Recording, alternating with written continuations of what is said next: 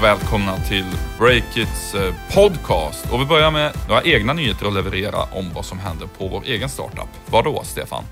Ja, vi, har gjort, gjort, uh, håller, vi växer ju här på Breakit, både i antalet uh, personer som går in på sajten, men också i personer som producerar texter och allt annat som krävs kring en, kring en techsajt. Uh, vi har faktiskt värvat två stycken nya personer. Dels är det Sofia Honungsmåne och sen är det Johanna Ekström som kommer börja hos oss här i februari, Johanna.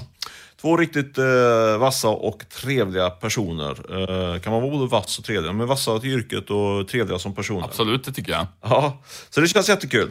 Verkligen, och vi gasar på, vi växer eh, med Breakit, som alltså, som jag inte presenterade precis i början, är Sveriges nyhetssajt om techbolag eh, och startups. Där jag, Ola Aronsson och Stefan Lundell, som är de som driver Breakit, eh, pratar om nyheter och analyser kring den digitala industrin.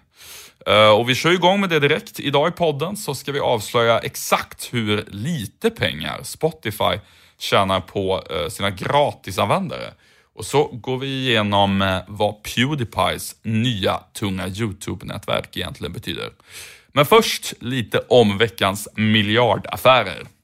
Precis, vi kunde ju här i början av veckan rapportera om två sådana faktiskt här, när det var svenska tech-entreprenörer inblandade. Det gillar vi ju. Dels var det Sint som är ett eh, mark en marknadsundersökningsplattform, en av världens längsta titlar kan man säga, eh, som eh, har drivits upp av entreprenören Bo Mattsson. Och sen var det Bookatable som är en, eh, ja, man beställer en krog, restaurangbeställningsapp kan man väl säga, eller tjänst, eh, inte app utan tjänst, eh, som krogentreprenören PG Nilsson eh, har eh, startat och drivit parallellt med att han har drivit en massa stora eh, Stockholmskrogar. Två på ytan skulle jag säga likartade affärer. Köpeskillingen i båda fallen är dryga miljarden. Eh, de har byggts upp under en eh, lång tid eh, innan de, innan de har lyft, kan man säga, över tio år i båda fallen. Och det är ju då två business to business-produkter, alltså som man säljer produkterna främst till företag. Men, men skenet bedrar som sagt.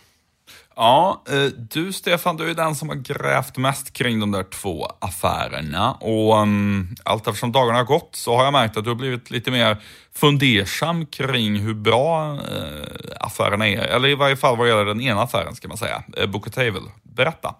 Ja men precis. Eh, det är ofta så att eh, när det kommer, slår ner sådana här affärer så då är det, gäller det att vara snabb, snabbt ut och försöka eh, avslöja att dels att affären är gjort men också i alla fall på en affärssajt är det viktigt att avslöja hur stor affären är så man vet, så man inte jämför äpplen och päron. Och vi grävde ju fram köpesumman, köpesumman för Bookatable men vi var typ fyra eller 10 sekunder kanske efter vår eh, konkurrent. Så vi hade båda lite komiskt avslöjar i, eh, på Twitter. Eh, kan man ju ha en egen podd om nästan den, den problematiken som uppstår där, eller den, den fighten som är där. Men det var inte det jag tänkte på, utan eh, då när man slår fast att oj, de får en miljard för det här, eh, låter ju fantastiskt. Och även när säljarna då i intervjuer säger att det här varit en bra affär, Eh, som jag noterar att både PG Nilsson, när jag pratade med honom, eh, men också Johan Brenner som är partner på Creandum, som var en av de större ägarna i eh, Bookatable, uttalade sig på andra sajter om detta.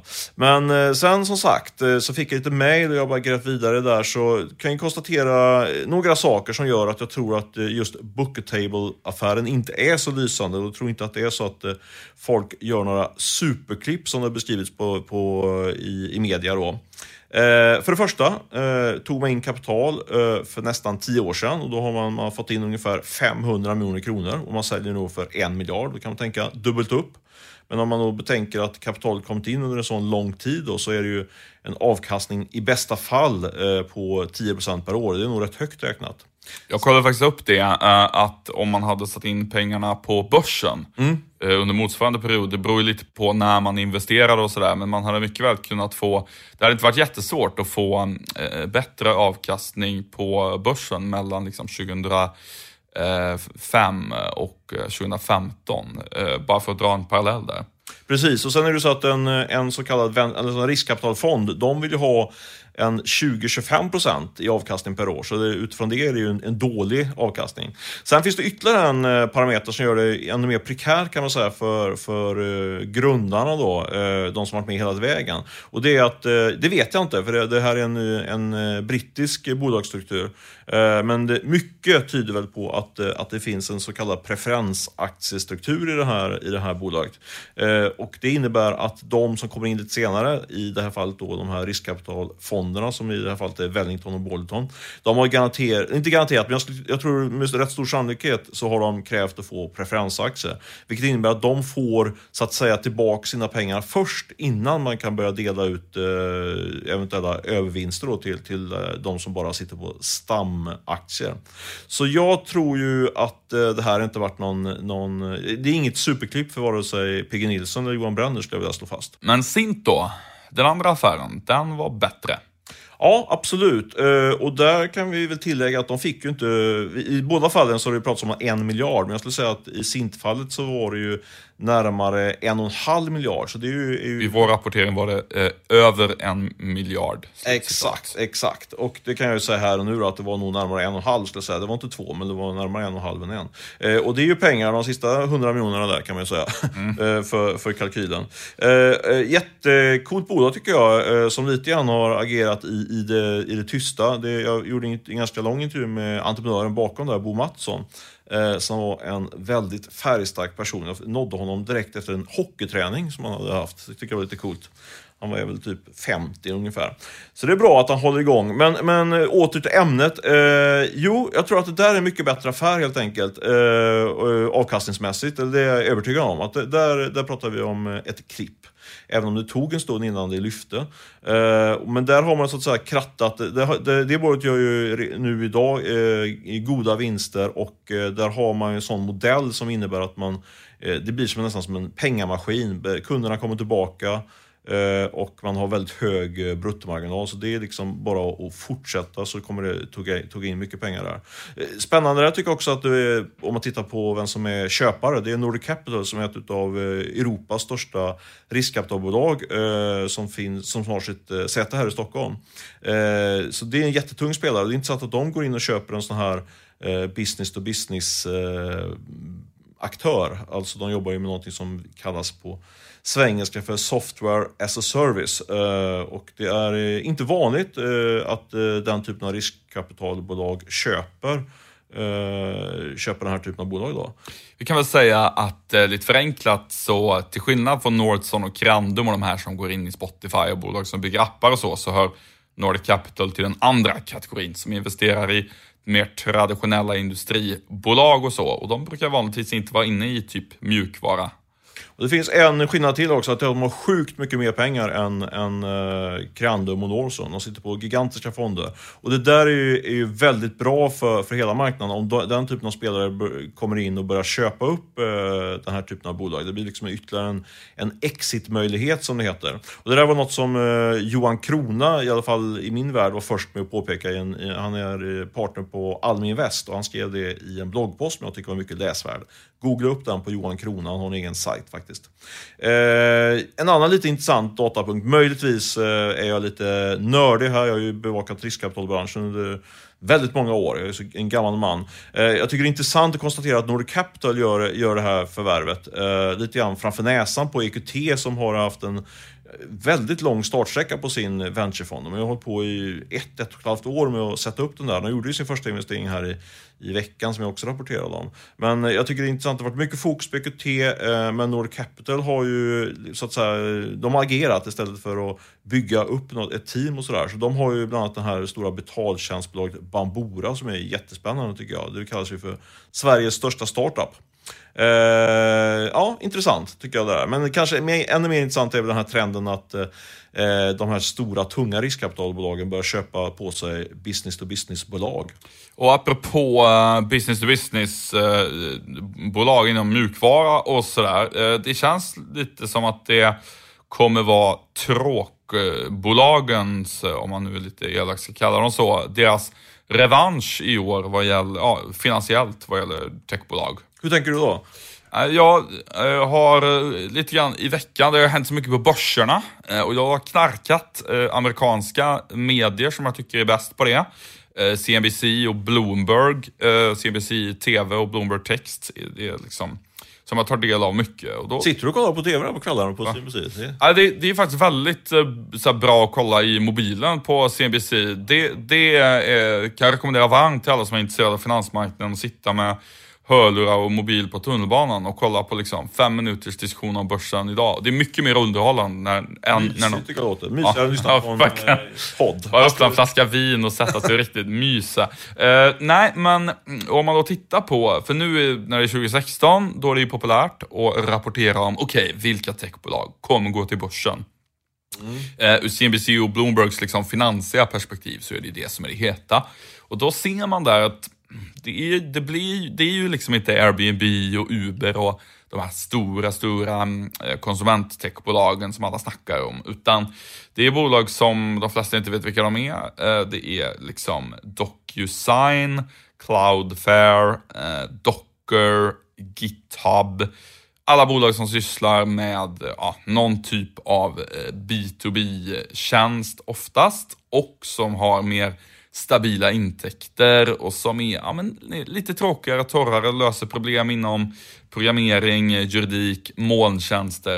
Eh, det är den typen av bolag som liksom väntas kunna gå till börsen och som också väntas kunna gå till börsen i år utan att ta så här en värderingssmäll, eh, så som snacket annars är. Lite grann att går man till börsen får man acceptera en lägre värdering, vilket ju ingen vill. Ehm, eh, så att, och jag, jag tror att vi har ju inga sådana jättestora sådana här bolag i, i Sverige, men jag tror att det kommer säkert vara positivt för de svenska bolagen inom liksom B2B och molntjänster och allt sånt där. Att eh, det blir lite mer eh, deras eh, show i USA på finansmarknaden i år. Jag tror, att, eh, jag tror att det är en korrekt spaning och att- det även går att applicera på, eh, på den svenska marknaden.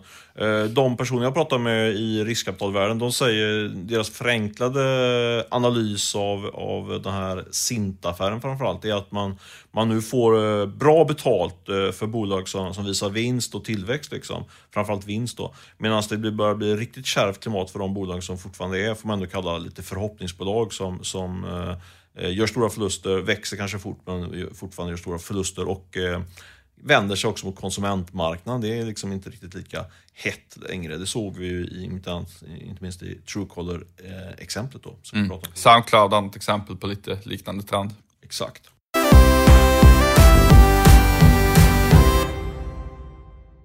Vi är denna vecka sponsrade av Telia Web Performance som jobbar med att hjälpa till exempel e-handlare eller mediebolag som oss att göra bättre affärer faktiskt. Hur menar du då? Jo, eh, det är så här att Telia har tagit fram en eh, väldigt smart eh, molnverktyg som handlar om att optimera snabbheten på sajten.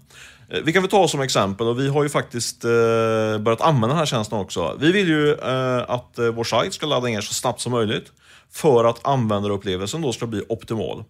Och eh, när sajten laddar snabbt blir upplevelsen bättre för användaren och vi får fler sidvisningar.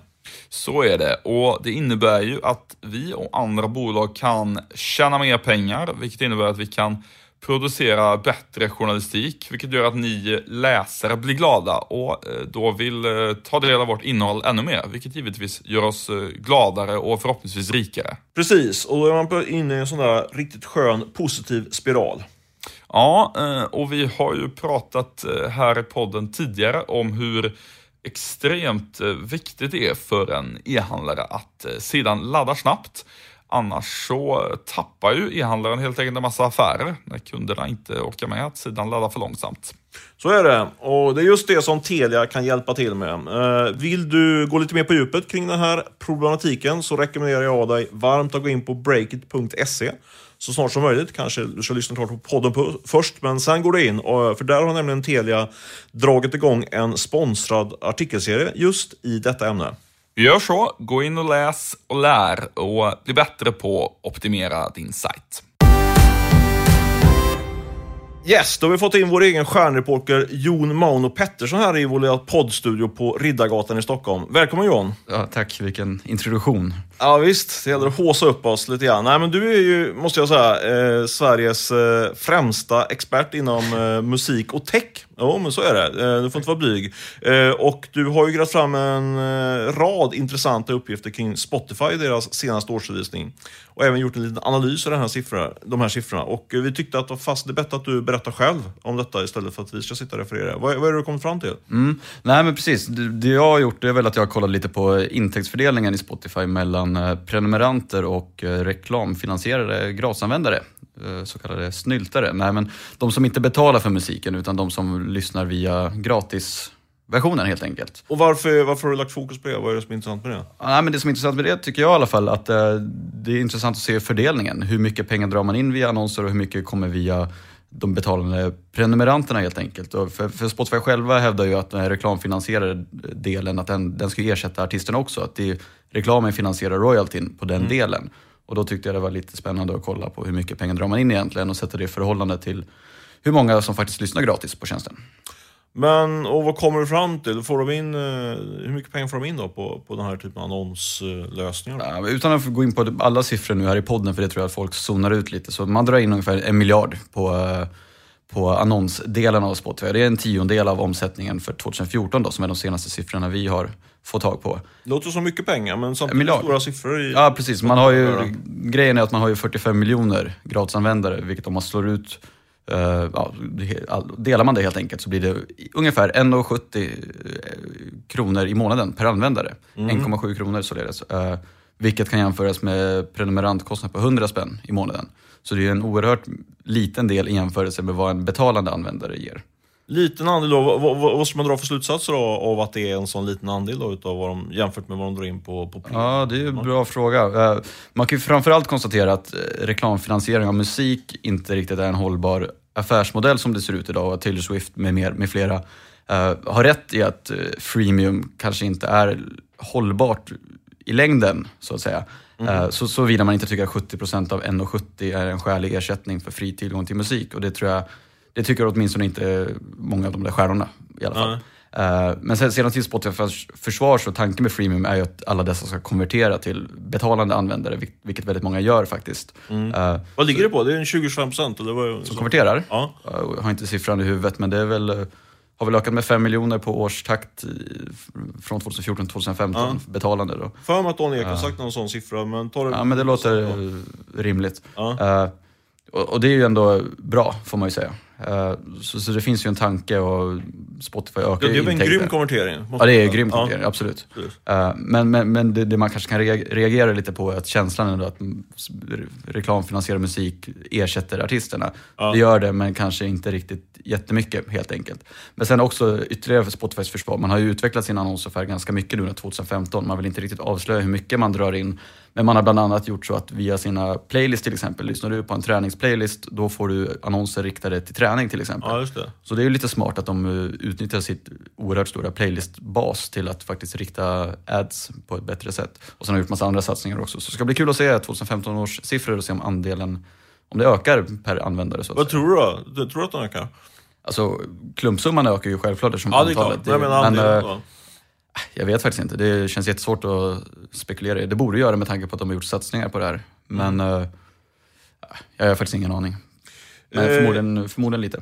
Perfekt. Eh, tack för den eh, rapporteringen. Jag misstänker att du kommer gräva fram även eh, 2015 års andel när det gäller Mm.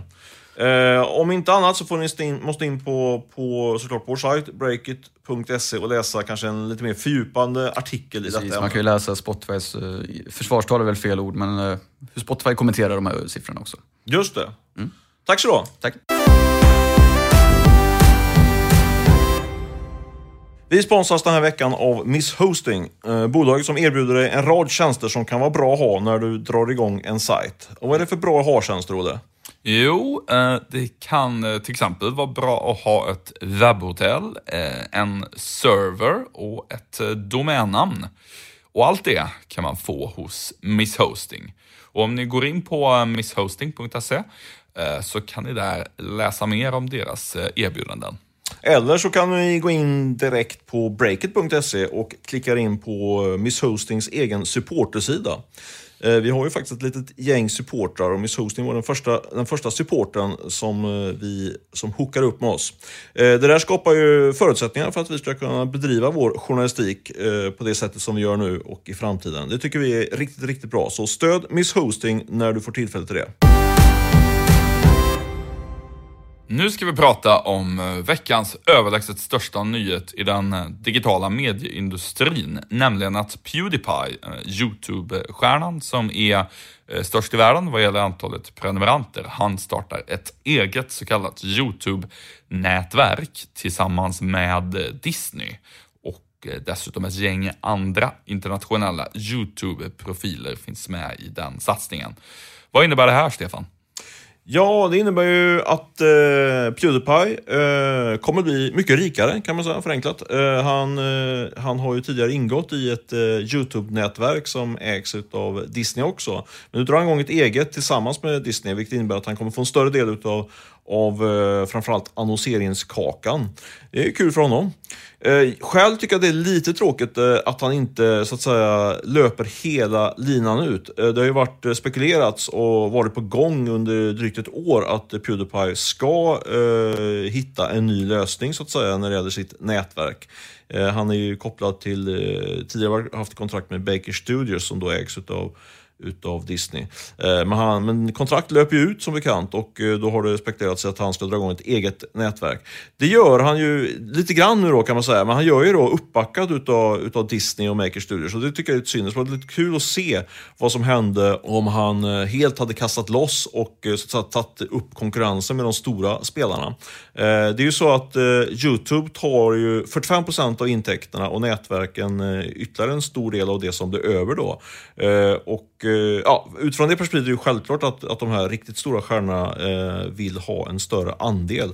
Eh, och det kommer ju som sagt då Felix Kjellberg, som han heter på, på riktigt, eh, att göra. Eh, han tjänade 100 miljoner kronor i, under fjolåret, men det lär bli mycket, mycket mer framöver tror jag.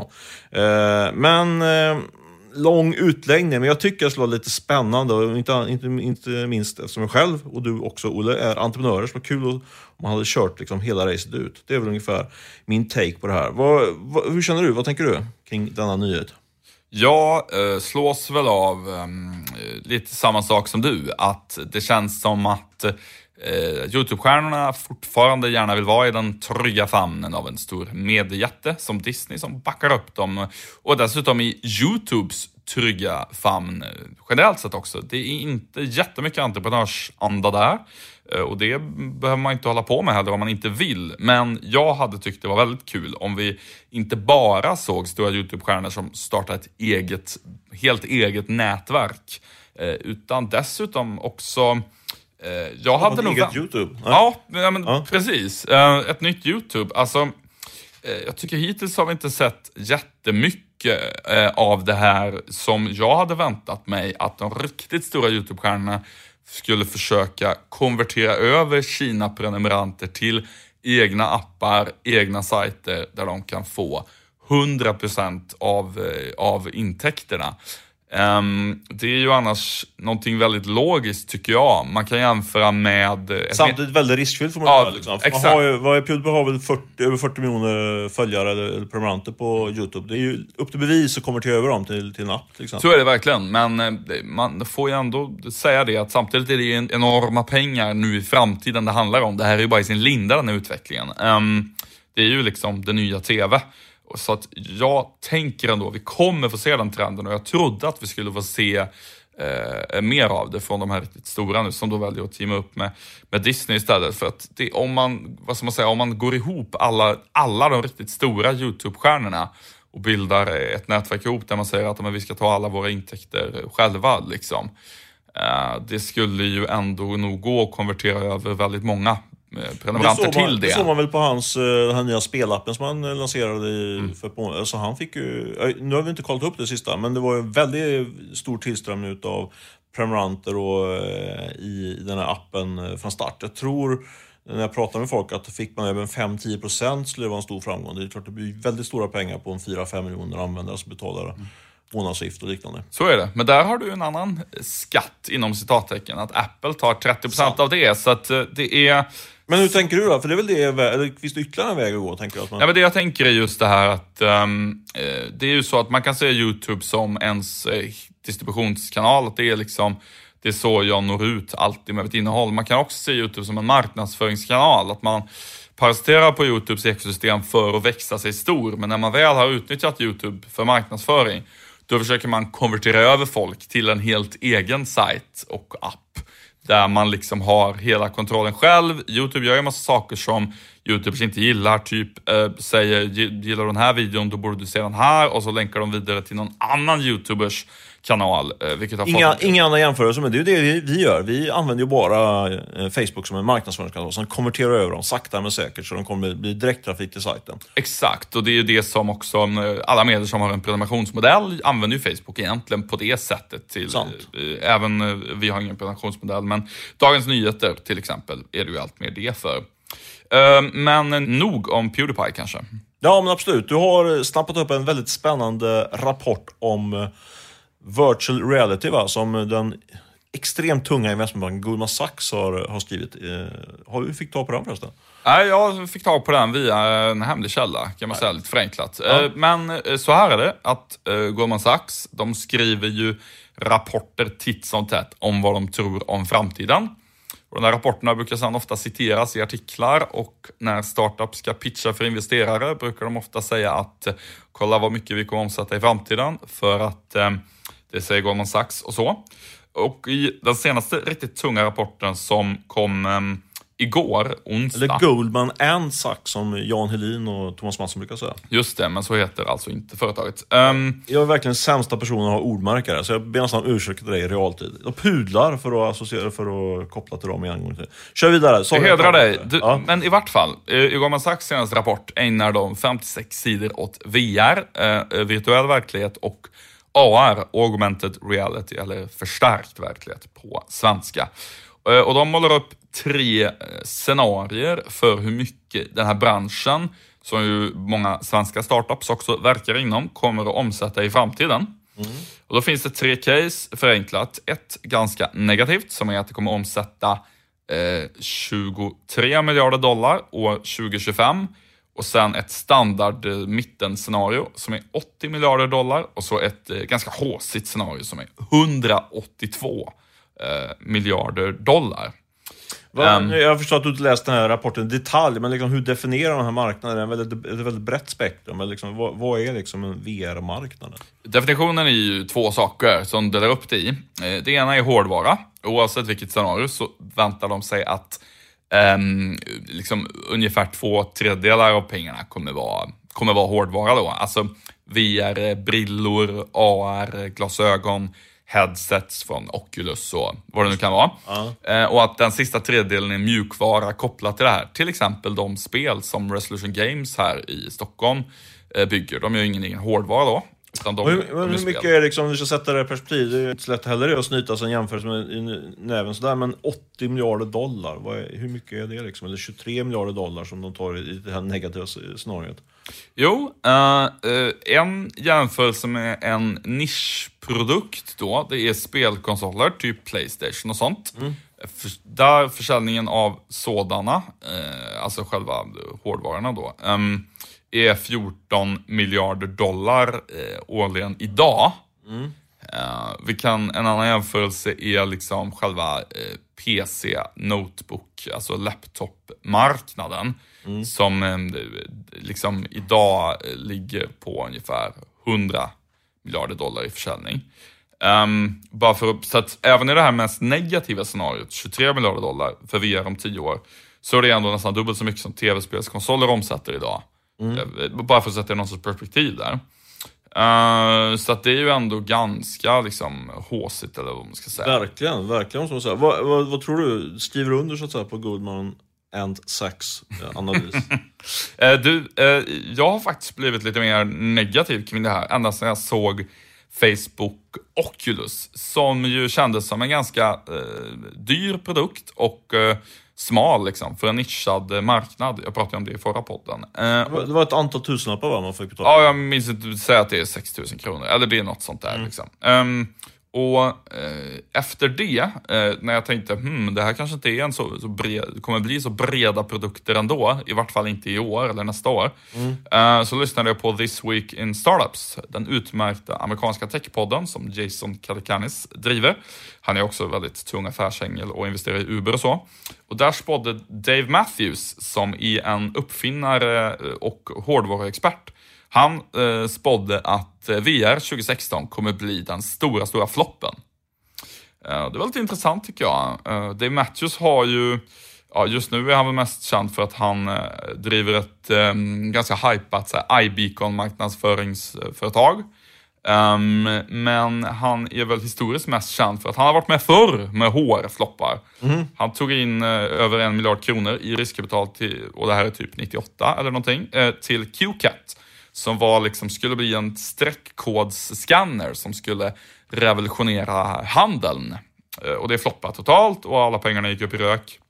Det var till och med närmare en och en halv miljard kronor om jag inte minns fel. Um, 135 miljoner dollar, vad blir det? Ja, eh, det är en miljard kronor ungefär. Men nu, Och- men nu är streckkodsskannern en riktig, en riktig hit ska jag säga. Nej men absolut, men det här var en helt ny, ett helt nytt sätt att använda streckkodsscanner och koppla ihop det med e-handel och så. Så det var, Ja, men jag fattar. Men du, vad är hans Ja. argument för att, eh, för att eh, VR då ska i alla fall bli en flopp 2016? jo, eh, det är att konsumenterna inte är tillräckligt sugna helt enkelt. Vi behöver inte fler prylar att leka med.